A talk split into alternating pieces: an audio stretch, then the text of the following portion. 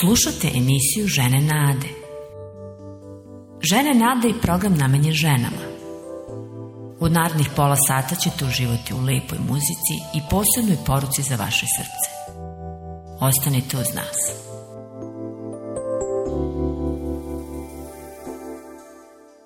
Moja prijateljica Zorica je prolazila kroz veoma težak period u životu. Poverila mi se. Pesnicom me udara u glavu, Muž mi je velik čovek i često je na drogama. Možeš misliti šta takav i tada može da uradi. Znam samo da sam se savijala i pokrivala glavu, nisam mu se usprotivila.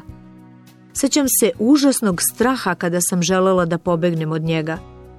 Nisam ga htela ni kraj sebe, ni kraj naše dece. Bila sam tako uplašena. Drage moje, ako vam je poznata ova situacija, slušajte dalje jer imamo nadu za vas.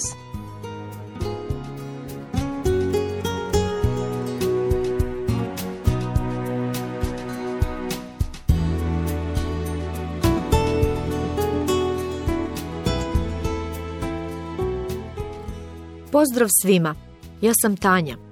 Vreme je za žene nade. Ovde smo kao prijateljice da razgovaramo o stvarima i pojavama koje su nam najbitnije u životu. Kogod daste, gde god daste, stalo nam je do vas, baš kao i Bogu.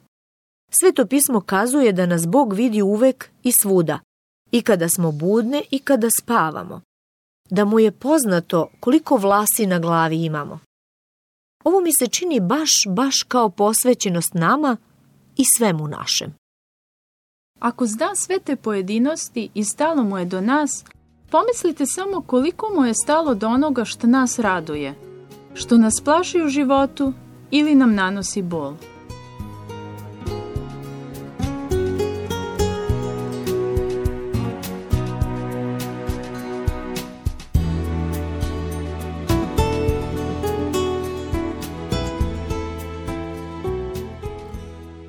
Pozdrav svima! Bilje i ja smo danas odabrali posebnu temu – To je nešto baš strašno i bolno za neke od vas. Rekli bismo koju o nasilju u porodici. Zašto bismo govorile o tome? Zato što nam je stalo do vas. Zato što je Bogu stalo do vas. Želimo da znate, volimo vas baš kao što vas i Bog voli. Želimo da svako od vas bude deo društva žena nade.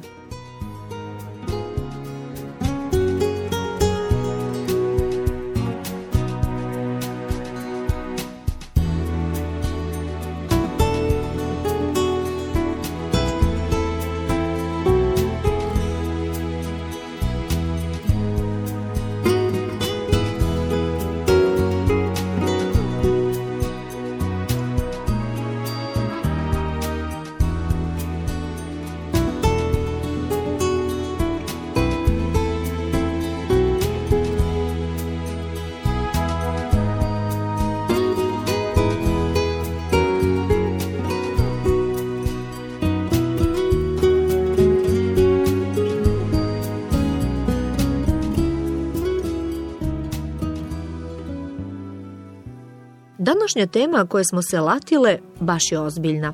Nasilje u porodici. Ali šta mi zapravo mislimo kada spajamo ove dve imenice u jedan izraz? Nasilje i porodica. Kao da ne pristaju zajedno, zar ne?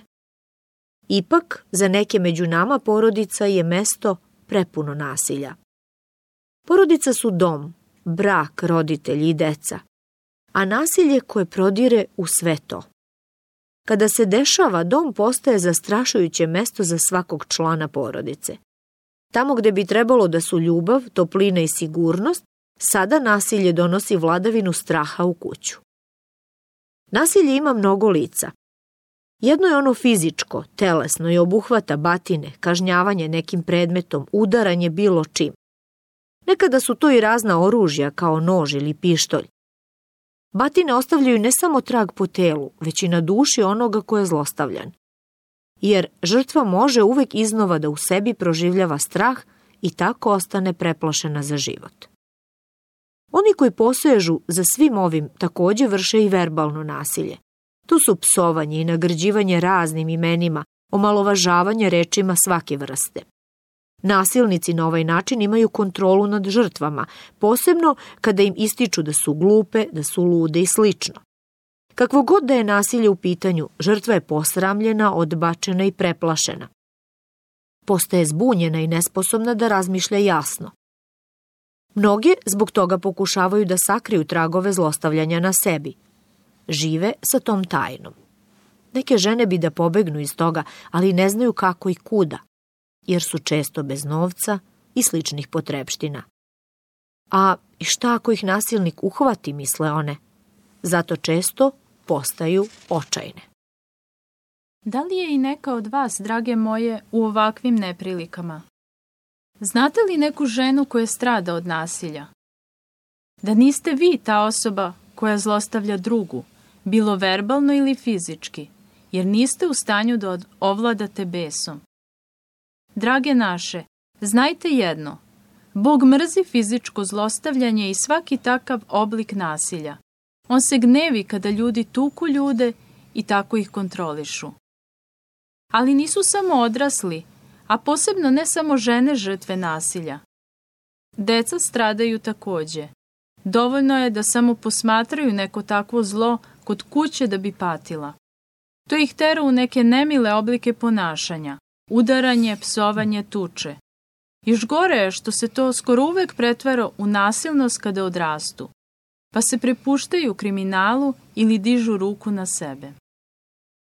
Dečija prostitucija je užasan primer nasilja nad decom. U nekim zemljama porodice čak i prodaju decu u seksualno roblje. Ili se prostituišu sa strancima punim novca samo da bi doneli nešto kući za preživljavanje. Često takva deca imaju svodnike koji onda uzmu sav novac.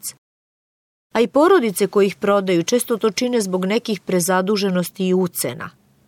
Ti oblici užasnog ponašanja su nezakoniti i trebalo bi da pokrenu ljude svih naroda. Svaki čovek koji se rodi sazdan je na Božju sliku i priliku. On je osmislio lik i izgled svakog ljudskog bića i zato smo svi tako različiti, treba li da kažemo da i identični blizanci zapravo nisu isti? Zato je fizičko nasilje urušavanje onoga što je Bog sazdao. I to ga jako, jako gnjevi. Oni koji fizički osakaćuju na bilo koji način svoje najrođenije podneće ozbiljne posledice pred Bogom. Bog nam je svima dao savest koja nas pokreće da štitimo one koje drugi povređuju. Ima li nekoga pod vašim krovom kome su potrebni pomoć i zaštita? Šta vi možete da uradite i pomognete im? Možda znate nekoga, ali ne možete ništa po pitanju njegovog ili njenog bekstva, jer on ili ona nemaju kuda. Ali možete da se molite za njih, bilo da je reč o porodici ili prijateljici. Najbolje od svega je da ih slušate. Zlostavljene žene su uvek u potrebi da se iskažu, da se požale. Besne su, preplašene i odbačene. Ako su možda u ozbiljnoj opasnosti, predložite im sigurno mesto gde bi mogle da odu. Bog želi da nas izbavi ukoliko smo žrtve porodičnog nasilja. Želi da nas leči, bilo da je reč o emocionalnim ili fizičkim ranama. Potrebno je da ljudi čuju o zlu porodičnog nasilja, o tome da je to greh protiv Božijeg zakona. Zlostavljanje i nasilje su greh prema učenju Božje reči, Biblije. To je zlo neposlušnosti Bogu. Zato je važno da zlostavljači shvate koliko je ozbiljno to što rade, da se pokaju i odreknu takvog ponašanja. Treba da se mole Bogu za snagu da stanu i prestanu sa nasiljem. Ako se ne pokaju i odreknu, trpeće strašne posledice svog greha. Ako osakate ili ubiju nekog od svojih ukućana, završit će u zatvoru ili će naneti štetu još nerođenom detetu. Božja reč kazuje da je Bog zaštitnik potlačenih i siročadi. Zato svako od nas može da mu se pridruži u zaštiti zlostavljanih. Ako istinski poznajemo Boga i volimo ga, učinit ćemo sve da pomognemo žrtvama i zaštitimo ih od daljeg nasilja. Neka vas Bog blagoslovi dok drugima iskazujete takvu ljubav. Drage prijateljice, jeste li možda baš vi u ovakvim nevoljama? Možda silno patite od ovog zla, a pritom mislite da nikome nije stalo do vas. Znajte jedno zasigurno, Bog vas voli. Čitajte reči psalma 106. Njegova je ljubav večna, doveka traje. On nije čovek, nepromenjivi je Bog ljubavi. Milostiv je i nikada se neće predomisliti prema vama. I kada vam je najgore, znajte da je on milost koja spasava.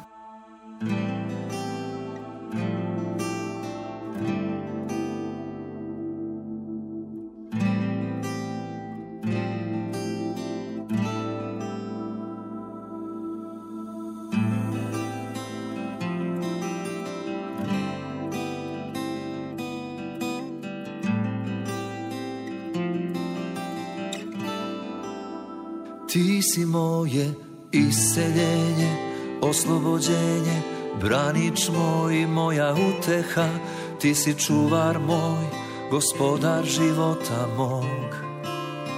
Ti si moje iseljenje, oslobođenje, branič moj i moja uteha, ti si čuvar moj, gospodar života mog.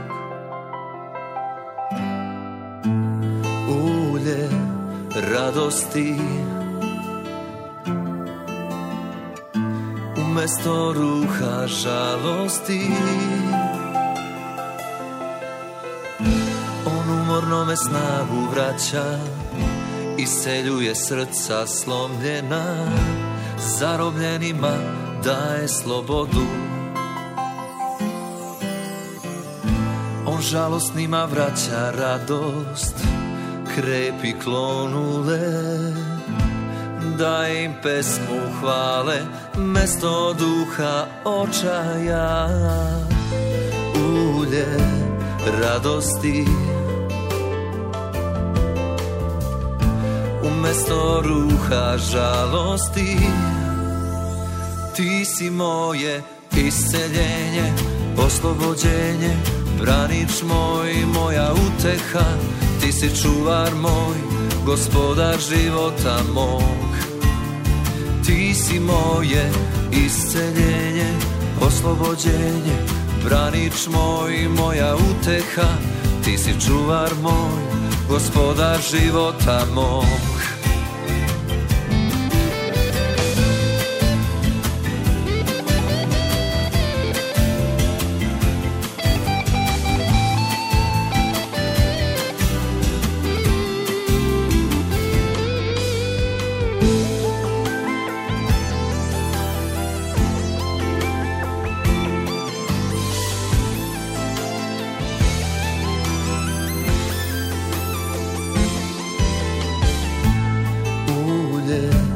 radosti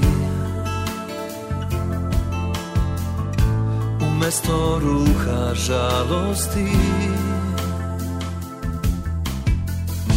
On umorno me snagu vraća seljuje srca slomljena Zarobljenima daje slobodu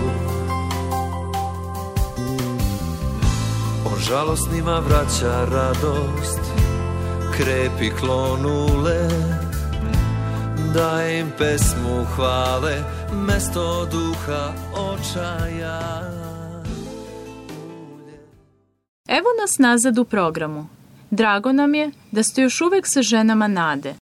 Sada će nam Tanja reći nešto više o nadi koju svako može da ima, makar i usred zla porodičnog nasilja.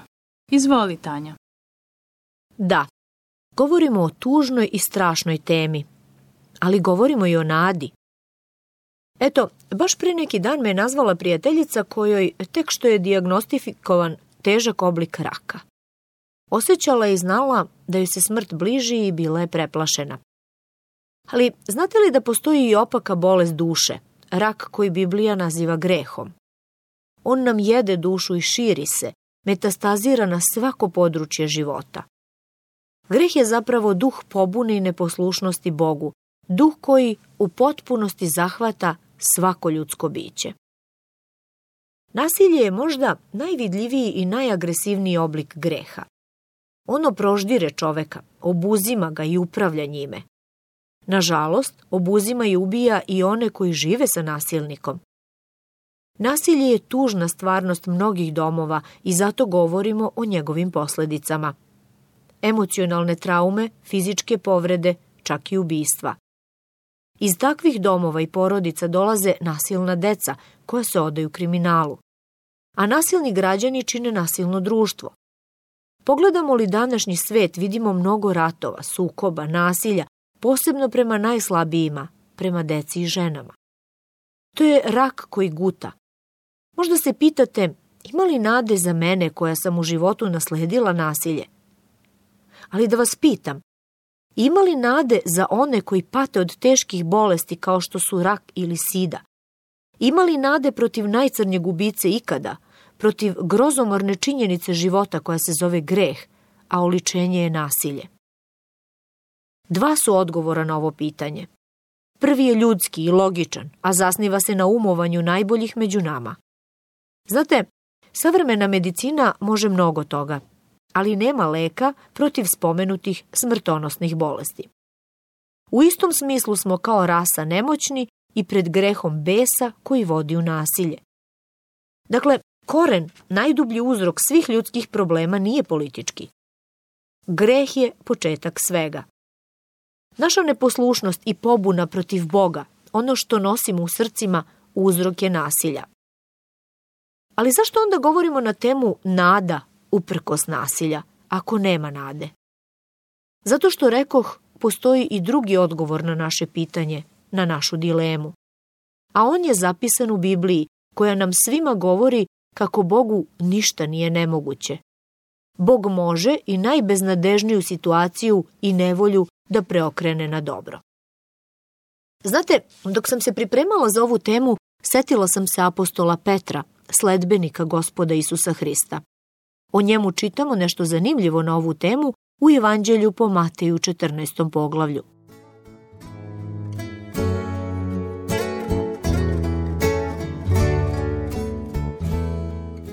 Petar je bio čovek jake volje. Odlučio je da sledi Isusa po svaku cenu. Jedne olujne noći on je bio sa ostalim učenicima koji su takođe išli za Isusom. Zatekli su se na jezeru u lađi a talasi su ih nosili na sve strane. Kiša i vetar su pretili da ih potope. Isus tom prilikom nije bio sa njima. Otišao je nešto ranije na brdo kraj jezera da se moli. Ali kada je oluja počela, krenuo im je u susret. Kako? Hodajući po vodi. Evo kako nam dalje kaže tekst. Ugledavši ga kako hoda po jezeru, učenici su preplašeno govorili. To je utvara! I od straha povikaše. Isus im odmah reče, budite hrabri, to sam ja, ne bojte se. A Petar reče, gospode, ako si to ti, zapovedi mi da dođem do tebe po vodi. A Isus mu reče, dođi. Petar izađe iz brodića te, hodajući po vodi, krene prema Isusu ali videvši jačinu vetra uplaši se te poče da tone. On povika, gospode spasi me! Isus odmah pruži ruku, dohvati ga i reče mu, o maloverni, zašto si posumnjao? Kada su ušli u brodić, vetar se umirio. Oni u brodiću pokloniše mu se i rekoše, ti si zaista sin Božiji.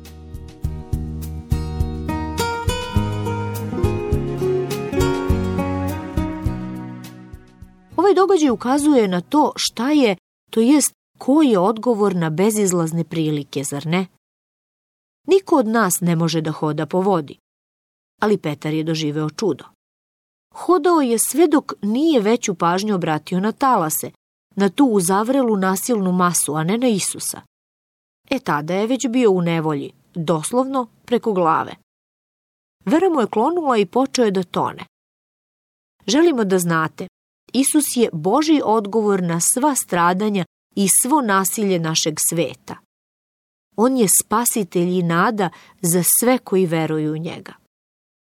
Baš o tome nas uči Petrova priča. Ako i vi poverujete u Isusa svim srcem, ako mu dopustite da vas oslobodi greha i straha, pouzdavat se u njega makar i u najstrašnijim okolnostima. Okolnosti i bilo šta da se dešava nije ono što nam određuje stav srca, Ako Isus živi u nama, ima nade u najcrnjim neprilikama. Božja reč jasno poručuje svima koji se ovako pouzdaju u Isusa. Veći je onaj koji je u vama nego li onaj koji je u svetu. Dakle, ima nade. Ako ima laksate, jer je sve oko vas prepuno nasilja i straha, setite se Isusovog poziva. Da, on vas zove k sebi da hodate po nemogućem, po vodi uzburkanih nevolja.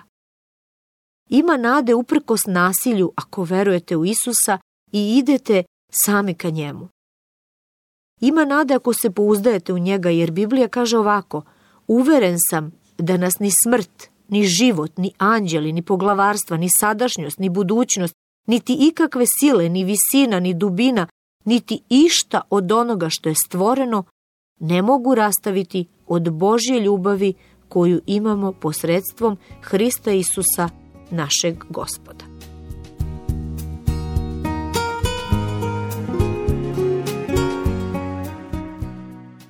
Pozivam vas da se sada molite sa nama.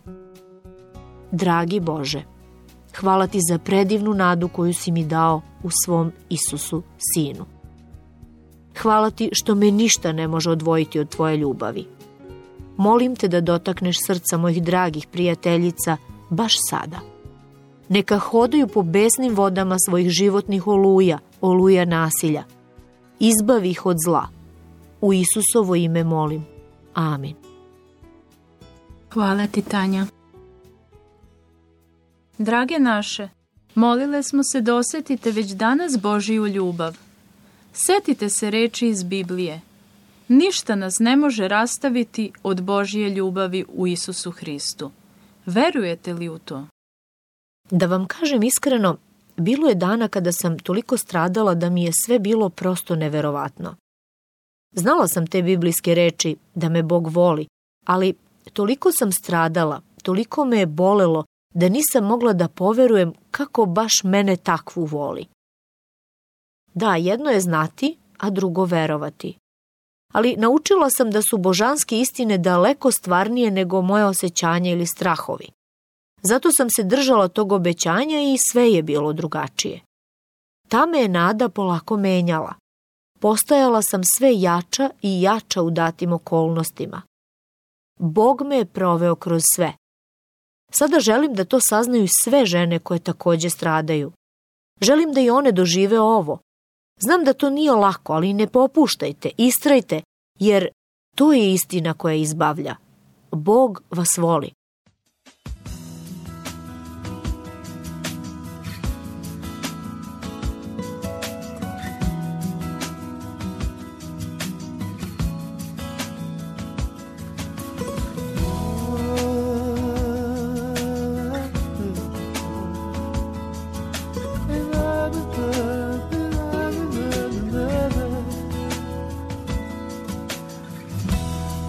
Takav prijatelj je Isus Naše boli nosi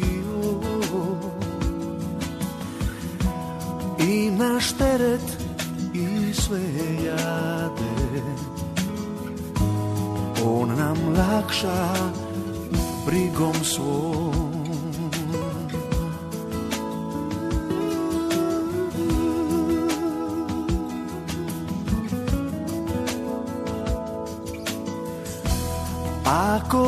prođu kušnje teške Pa te boli duša stok Ti ne gubi nikad nadu Jer nam mir svoj nosi Bog Prijatelja vjernog znaš Kom ćeš svoje tuge reći To je Isus što nam uvijek zna Naše boli nosi sve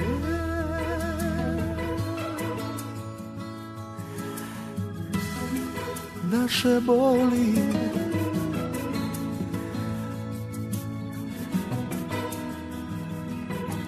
naše boli nosi cvet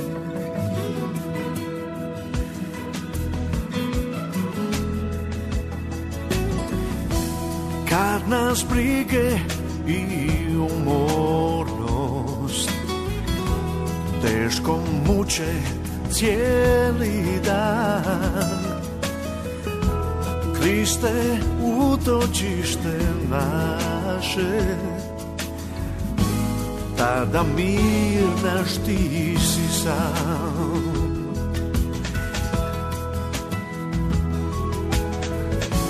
Prijatelja vjernog znaš li Kom ćeš svoje tuge reći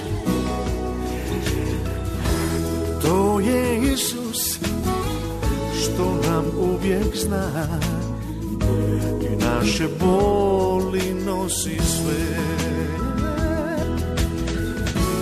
Prijatelji kad te prezru To za žrtvu Bogu daj On će uzete za ruku Utjeha će biti znaj će uzete za ruku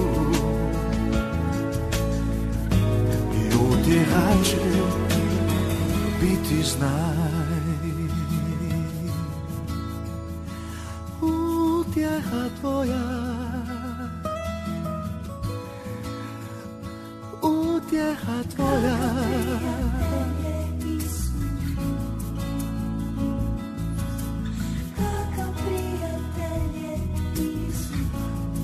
sve boli tvoje nosi on, nosi on, nosi on. Sve boli tvoje nosi on. Utjeha tvoja, utjeha tvoja,